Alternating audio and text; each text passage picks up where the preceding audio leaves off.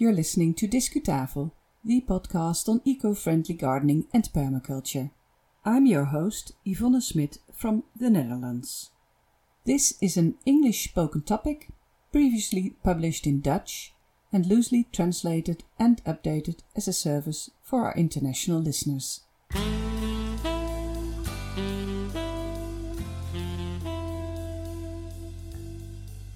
Welcome to episode 20, dated October 4th, 2018, about bird migration and your garden. Discukennis. It's the 4th of October and finally the season's change is clear. Did you notice the bird's behavior? High above town, troops of geese fly to a far destination. Or you're flabbergasted by the look of thousands of starlings. They're painting figures in the sky. Ain't that amazing?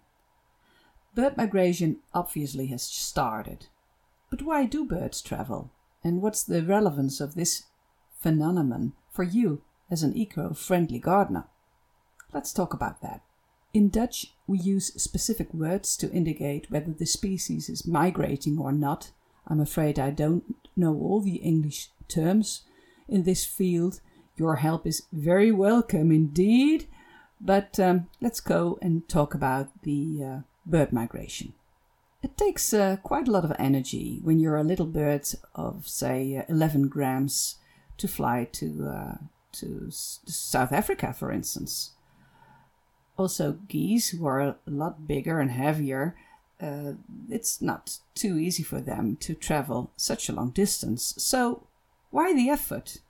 There must be an advantage. Well, usually the advantage is food, of course. When you're a chiffchaff or uh, a black cap, uh, you like to eat insects, and there are no or hardly any insects around in wintertime in this part of the world, so you have to migrate. And when you're awaiting your migration, you see to it that you get lots of food and you await the right winds and depart for the southern part of the world. Here in the Netherlands, we have a saying, and it says that when you see one swift, it's not summer yet. Well, in some cases, summer is very short, and that's the case with the swift because here in the Netherlands, this bird arrives, say, around the end of April, and uh, at the end of July, it leaves.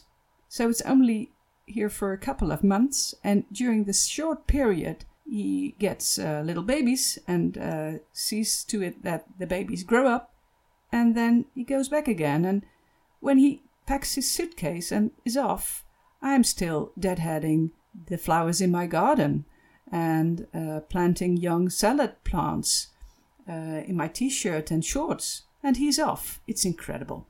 Just like the cuckoo and the black red redstart, this swift is a bird which we call in the Netherlands a summer bird, literally translated, zomervogel in Dutch. He is only here to take care for the young and then himself again. Well, how can you as a gardener help these birds in their preparation for their long journey? Well, take a look at your garden. Is it designed and are there plants which attract insects? Because they like to eat insects. So here's your tip number one see to it that your garden is designed insect friendly. Grey tits and blue tits, they don't migrate that much. You can see them all year round in your garden. Other examples of birds who stay here are magpie, blackbird, house sparrow. In Dutch we call them standvogels. Let's say staying birds. Let's talk about tits a little bit more. During spring and summer, they feed their young with caterpillars and other insects. How do they manage in winter time and in autumn when there are not a lot of insects around? Well, there's a very special reconstruction in their bodies going on around this time, and this, this reconstruction makes it possible that they digest peanuts and fruits and seeds a lot easier during wintertime. Well, tip number two for you as a gardener how can you help these birds who stay here all year round, and how can you help them in wintertime? Well, see to it that there's some peanuts and seeds and fruit in your garden, and when it's a very strong wintertime, when it's very cold, see to it that there's some fat there, like uh, gravy or something. When you live in an apartment, you can help the birds as well by feeding them on your balcony, but I suppose usually it's not allowed to do that. You still have a possibility to help the birds in your city Perhaps you can go and talk with the local authorities about the way they manage the parks and bushes around your flat. Perhaps you'll notice one or two birds in your garden who look like a thrush or a blackbird, but they're brownish and they have a red spot just underneath their wings. Well, then we're talking about a redwing. The redwing is a migration bird as well, but he arrives here in autumn and winter and he spends spring and summertime in, let's say, in Scandinavia, where he raises his chicks. When he arrives here, he's very hungry. How can you help him? Well, here's tip number three for you gardeners. See to it that you plant some holly or medlars or hawthorns in your garden so he can have a feast on the berries.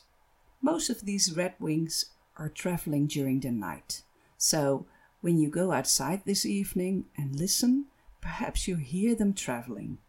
They make a special sound, and if you're curious what their sound is, please go to the show note of the Discutafel podcast and open the audio file. And how about starlings and robins? You see them all year long. So you suppose they're staying birds. But this is a special case. The starling and robin you see in your garden at this time are not the same individuals you saw in spring and summer, because the species are migrating.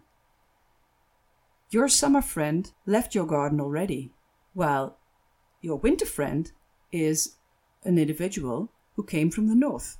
We call them wintergasten, or birds who stay here during wintertime. How can you help these birds? Well, they like uh, small bread crusts, peanuts, and um, the red, red robin, he likes um, potatoes and fat. So, this was my story about bird migration and your garden. You may think that it's all happening high above you, but it's not. It's happening in your garden, and you can help your bird friends to spend the winter time here. Discuslot. Thank you for listening to this topic of Discutafel podcast. Please go to the show note on our website discutafel.nl for more information on this topic or exchange views with us on Twitter.